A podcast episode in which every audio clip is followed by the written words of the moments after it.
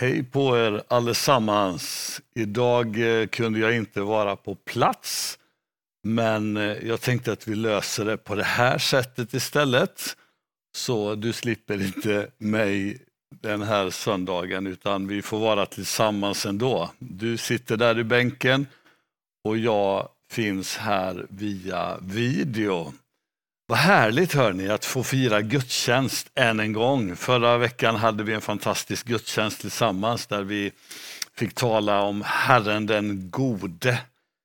Och vi befinner oss i en tid enligt kyrkokalendern som är trefaldighetstiden. Det är en ganska lång tid men där vi får lära oss eh, om Jesus, om Gud mer och mer, om vem han är och eh, så har vi kommit fram till domsöndagen och jag, jag tänkte att vi skulle vara lite interaktiva idag. Vilket innebär att eh, jag kommer att under min predikan här slänga ut ett par frågor i alla fall. Och då får du helt enkelt samtala med den som sitter närmast dig eller de som sitter närmast dig. Ni får välja om det är en person eller om det är flera stycken som byter några tankar och på så sätt så gör vi den här predikan tillsammans. Är det okej okay så? Ja, givetvis. Jag vet inte om du sa ett ja, kanske du gjorde, men det är kanske svårt att svara till en film. Men jag hoppas att du sa ja, då kör vi. Vi ber en bön tillsammans först. Himmelske Fader, tack för din godhet och tack för att vi får vara tillsammans inför ditt ansikte. Tack Herre för att du är Herren den gode och idag när det är domsöndagen så får vi komma inför dig, du som är Herren den gode. Och jag ber Herre att du ska ta de här orden som jag har förberett och tala in i våra hjärtan och att samtalen i bänkarna också får vara goda.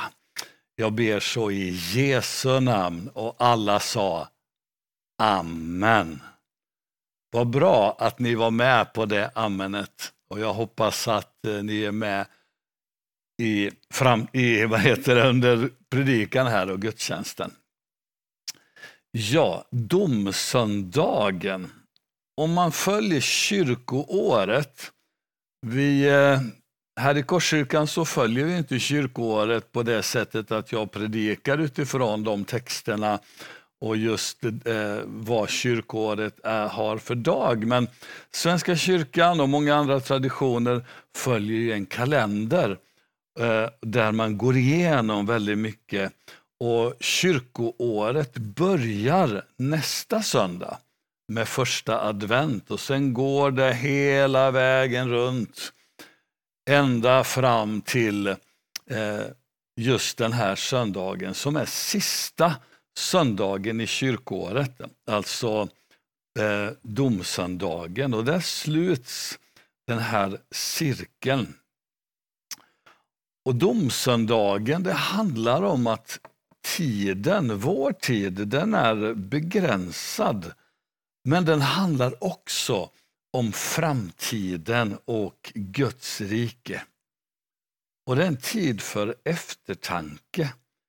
Eh, kyrkoårets texter de handlar om hur vi människor behöver ansvara för hur vi lever våra liv och vi blir påminda om döden, vi blir påminda om tidens slut.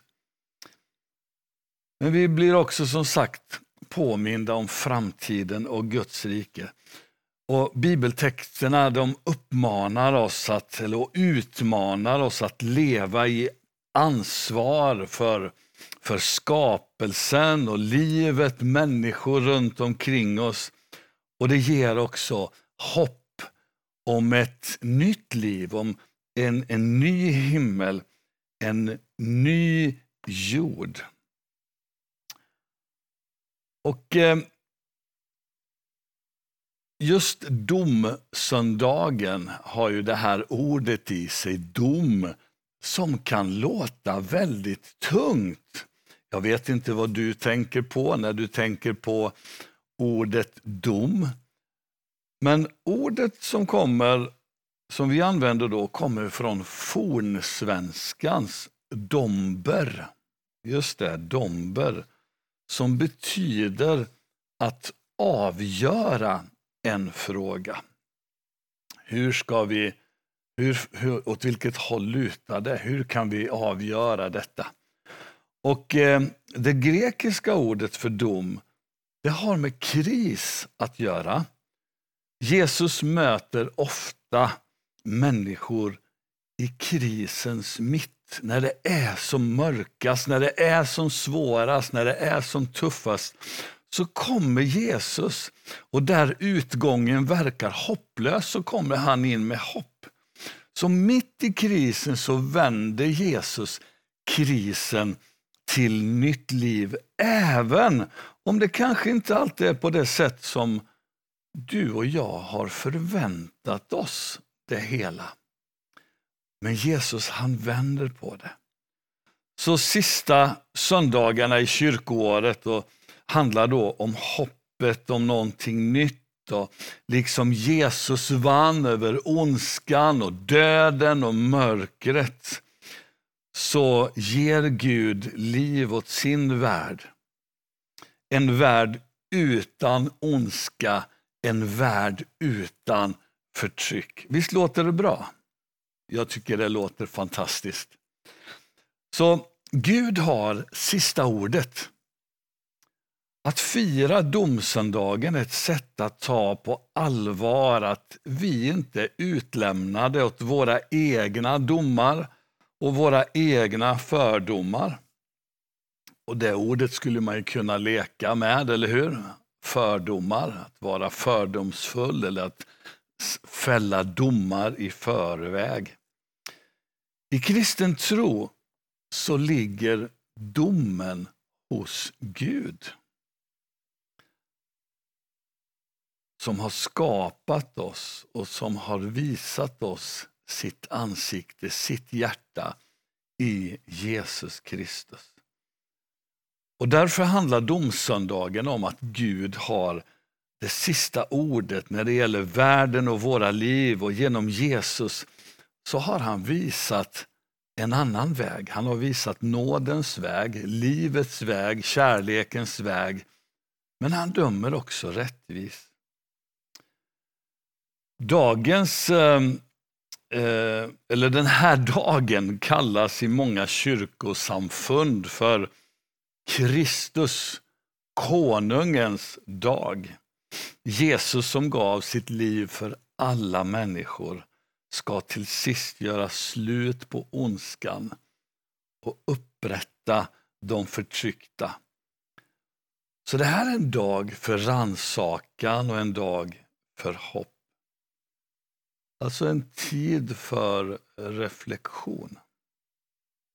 Jag nämnde innan att liksom cirkeln sluts på något sätt.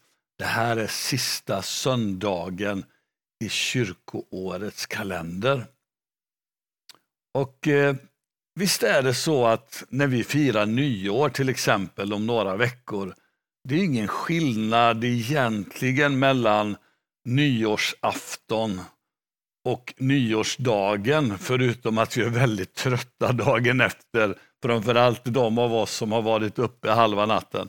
Men det är egentligen ingen skillnad liksom i, i feeling, men ändå så den där kalenderdagen, den där dagen, den tjänar ju också till eh, för eftertanke, där du och jag kanske får reflektera över saker som har hänt under året, vad vi har tänkt för inför det nya året. Vad är det för tankar, vad är det för planer som Gud har för mig? Vad är det för drömmar, vad är det för önskningar som, som jag har? Vad skulle jag vilja se under den här nya tiden? Och på samma sätt så blir ju domsöndagen också en tid för reflektion. Vad har du gjort med ditt liv? Hur, hur ser din vandring ut? Vad, vad ser du för någonting? Vad är det för frukt som du lämnar? Eller har lämnat? Thomas nämnde här för två söndagar i sin predikan om, om att vi behöver se mer av Andens frukt i våra liv. Så eh, nu har jag en fråga till er här ute som sitter och lyssnar. Eh, någon kanske inte ens aldrig har hört talas om domsöndagen, men frågan är, när du tänker på namnet domsöndagen eller uttrycket domsöndagen eller tänker på att det är ett avslut och någonting nytt börjar. Vad, vad tänker du då? Vad är det som kommer upp i ditt hjärta? Så ta en stund och samtala. Jag står här och väntar på dig. Så småningom så harklar jag mig och så kör vi igång igen. Men vad, tänk, vad är det för tankar du får när du tänker på domsöndagen? Varsågoda.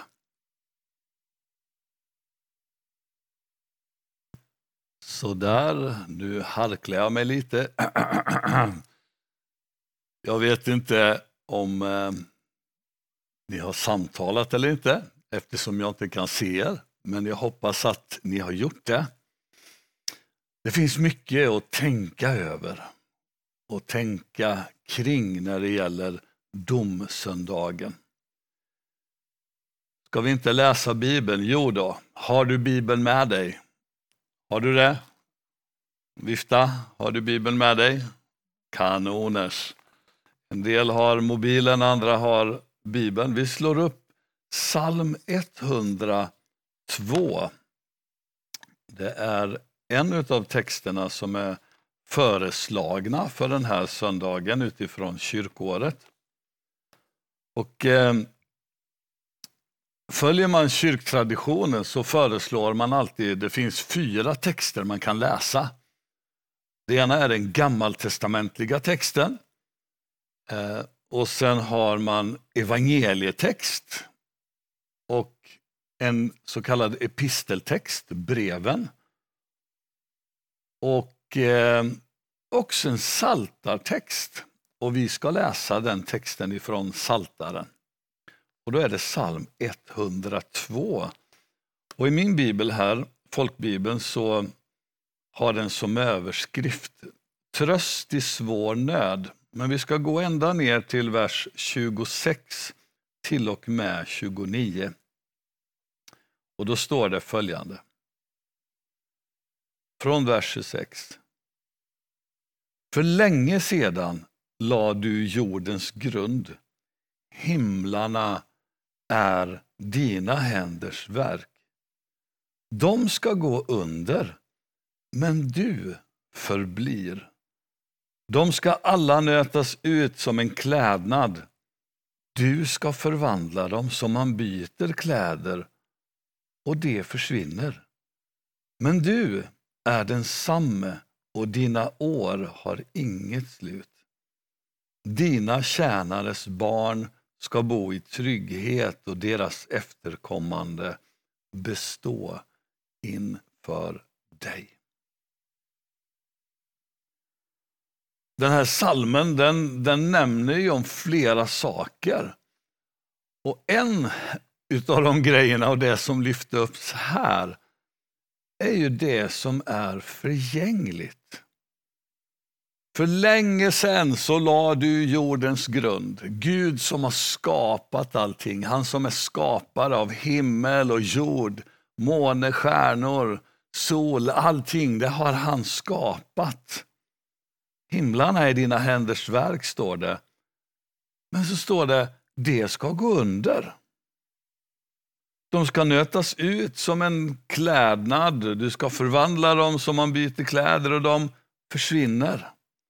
Alltså saker som är förgängliga. Det finns det som inte är bestående. Det finns sånt som ja, det är temporärt helt enkelt. Det varar en liten stund och sen puff är det borta.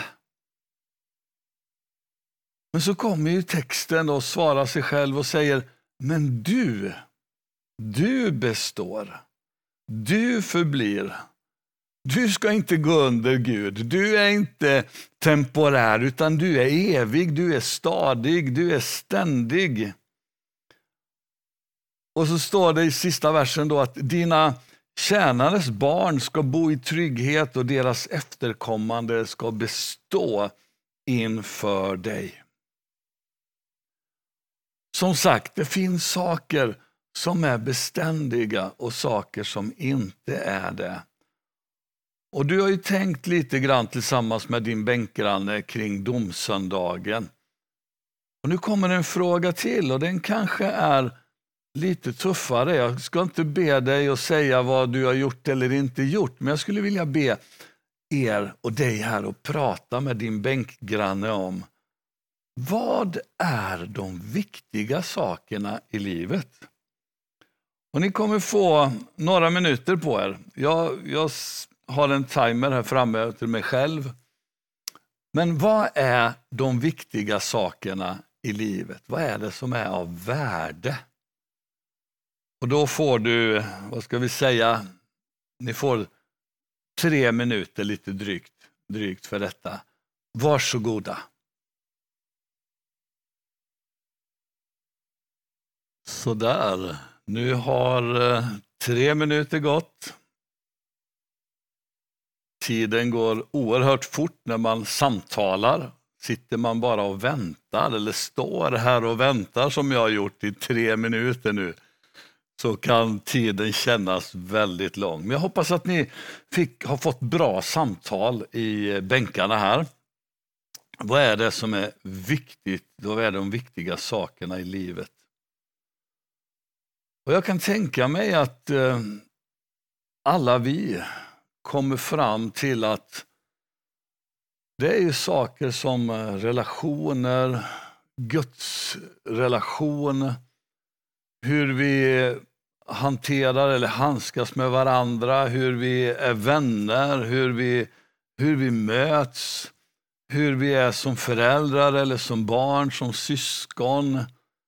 Och det kommer tillbaka på något sätt till det som är hjärtat. Det kanske inte är så jättemycket de här, uh, vad är det jag har byggt? Har jag byggt ett företag eller har jag byggt ett hus eller har jag köpt en fin bil eller har jag tjänat mycket pengar? De där grejerna känns ju inte så där jättebestående. Äh, uh, äh, uh, och jag, om vi fortsätter här kring domsöndagen då, så har ju domsöndagen en underrubrik. Precis som alla söndagar så eh, enligt kyrkoåret så har man en huvudrubrik och sen underrubrik. Och domsöndagen har samma underrubrik varje år. Det är tre årgångar och så kommer man tillbaka. Så var tredje år så kör man samma texter och samma underrubriker. Men domsöndagen behåller samma underrubrik varje söndag och den är Kristi återkomst. Att Jesus kommer tillbaka en dag. Och han kommer som både befriare men också som domare.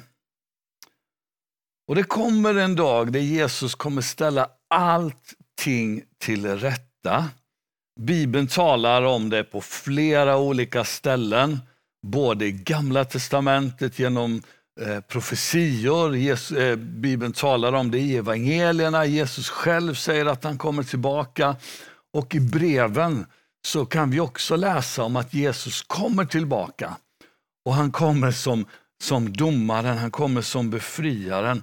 Och då kommer all ondska, allt hat, allt det som är trasigt tas bort och rättvisa kommer att skipas. Och den rättfärdiga domen, Guds dom, kommer att fällas. Och så kommer även vi prövas. Du och jag kommer att prövas. Vad är det vi har byggt? Vad är det som vi har byggt av, av guld och ädla stenar, alltså det som består? Och vad är det som vi har byggt av hö och strå, det som brinner upp och liksom, det blir ingenting av det. Därför är domsöndagen en dag för reflektion. Och vi alla har ju någon slags rättfärdighetspatos inom oss. Vi vill att orättvisa och ondska ska dömas. Vi tycker att den som gör fel, den som eh, skadar någon annan, den som beter sig på ett felaktigt sätt eller dumt sätt, den ska ju givetvis eh, liksom sota för det. Och det, det, det är någonting som finns inbyggt i oss, någon slags rättfärdighetstänk. Rätt ska väl ändå vara rätt, eller hur? Du kanske känner så, jag skulle tro att vi alla känner så. När vi hör någonting hemskt som har hänt så tänker vi oj, det där det måste göras någonting åt, så kan det inte fortgå. När Paulus skriver till församlingen i Korint, det är ett avsnitt som handlar om hur de ska bete sig och inte minst hur de ska handskas med varandra och kring nattvarden så skriver han så här, lyssna. Om vi gick till rätta med oss själva skulle vi inte bli dömda. Och kom ihåg att dom, som jag sa där i början, Eh, det handlar om att avgöra en fråga. Så om vi skulle gå till rätta med oss själva skulle vi inte bli dömda. Och det här har ju läst eller skulle kunna läsas på olika sätt. Det ena sättet att läsa på det att ja, om vi dömer oss själva, då skulle vi ju bli frikända. För vi har ju oss själva närmast. Ja, men jag är väl inte Guds sämsta barn. Det har du säkert hört det uttrycket. Om att nej men jag, jag är väl ganska god ändå. Det finns ju de som är värre än vad jag är. Och det är så lätt att döma andra. Det är så lätt att ha åsikter. Det är så lätt att peka finger och jag har sagt det mer än en gång. Passa dig för att peka finger, för när du pekar ett finger mot någon så har du tre fingrar mot dig själv. Och Paulus han skriver faktiskt i ett annat brev, när han skriver till församlingen i Rom. Det andra kapitlet och första versen, om inte jag missminner mig, så skriver han Vem är du som dömer? Vi vet ju inte allt, vi har ju inte all kunskap, vi har inte koll på allt. Så det ena sättet att, att, att läsa den här versen på, utan att gå jättedjupt i det, ja men om, om jag går till rätta med mig själv, då, då blir jag ju frikänd. Då blir jag inte dömd för att eh, jag är ju mig själv närmast. Men det andra sättet att, att läsa på detta på, det är att, att om vi gick till rätta med oss själva. Att du betonar omet, om det är så att du skulle gå till rätta med dig själv. Det vill säga att du ångrar dig och tänker nej, det där det skulle jag skulle inte ha gjort så där. Jag borde ha gjort på det här sättet istället. Jag, jag kanske skulle ha tänkt annorlunda, jag kanske skulle ha agerat annorlunda. Så om du, går, om du går till rätta med dig själv, om du ångrar dig, så skulle du inte blir dömd, därför att då skulle du kasta dig på Jesus. Och det är det bästa som du och jag kan göra.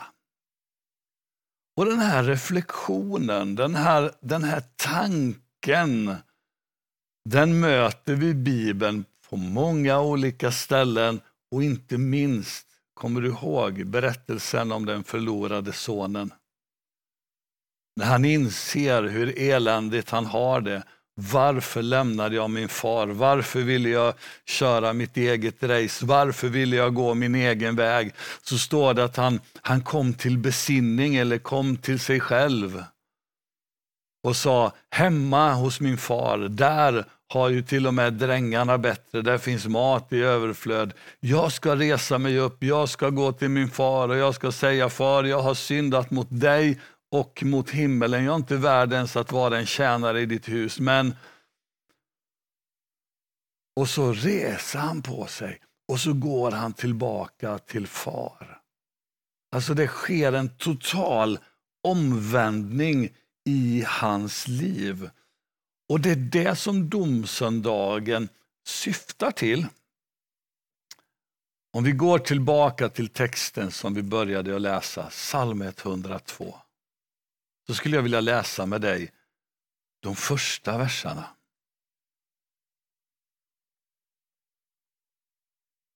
Och det står så här från vers 1. Bön av en betryckt som i vanmakt utgjuter sitt bekymmer inför Herren. Herre, hör min bön. Låt mitt rop komma inför dig. Dölj inte ditt ansikte för mig när jag är i nöd. Vänd ditt öra till mig. Skynda dig att svara när jag ropar. Och här så är det ett rop till Gud. Gud, jag, jag behöver dig. Hjälp mig. Det är bara du som kan styrka mig. Det är bara du som kan hjälpa mig. Det är bara du som kan förvandla mitt liv. Det är bara du som kan stärka eller styrka mina steg. Det är bara du som kan hjälpa mig att vandra så som du vill att jag ska vandra. Det är bara du som kan producera i mig den frukten som är tänkt att produceras. Och jag önskar min vän att du och jag finge kasta oss på Jesus idag än en gång. Och en fråga som jag skickar till dig, med till dig nu här. Du behöver inte prata om det kanske med någon i bänken just nu, men fundera lite. Vad utmanar dig i dagar som kommer framöver? Vad är det som utmanar dig, inte minst i jultider? Vad är det för någonting du skulle vilja se i ditt liv? Vad är det för någonting du skulle vilja se flöda ut? När Bibeln talar om, om, om eh, Andens frukt så talar den om kärlek och glädje och frid, tålamod, godhet, mildhet, vänlighet och, ska vi se här, det var ytterligare någonting, och självbehärskning. Jag tappade bort en, men det är flera stycken. Saker som, som Gud vill ska finnas och flöda ur utifrån ditt liv när vi kommer till honom. Och Därför behöver vi kasta oss på honom. Så jag vill inbjuda dig nu här i slutet av min predikan, bara att få böja ditt huvud och få vända dig till Jesus. Jesus som vänder krisen. Jesus som möter människor i kris. Jesus som möter dig och mig där vi tycker att det här funkar inte, det här kommer inte gå. Så får vi vända oss till honom. Och där vi har felat, där vi har syndat, där vi har misslyckats, så får vi bekänna det inför honom och bara ge våra hjärtan och allt det vi har till honom. Ska vi göra det? Så vill du får du eh, gärna koppla samman med någon jämte dig i bänkraden. Eh, så men vi ber tillsammans. Vi lägger det här inför Herrens ansikte. Himmelske Fader, vi kommer inför dig. Herre, vi kommer inför dig med våra hjärtan. Herre, du känner oss. Det finns ingenting som vi kan dölja för dig. Och det är gott att det är så. För då vet du redan allt och det är så mycket enklare att komma inför ditt ansikte. Men Herre, vi vill just nu bara be om din nåd, om din närvaro över våra liv. Herre, du vet där vi har kommer till korta, där vi misslyckas, där vi brister gång efter annan. Herre, kom med ditt liv, kom med ditt hjärta, kom med din beröring över oss. Kom Herre med din nåd över var och en av oss. Herre, jag ber så i Jesu namn. Och Herre, vi erkänner och bekänner att det är i dig som vi är hela. Och Herre, tack för att du är rättfärdig och När domens dag kommer och Herre, du ser in i våra liv så har vi kastat oss på dig. Du som har dött för oss, du som tog vårt straff. Och Herre, du får döma oss fria. Herre, kom med din närvaro över var och en av oss. I Jesu namn. Amen.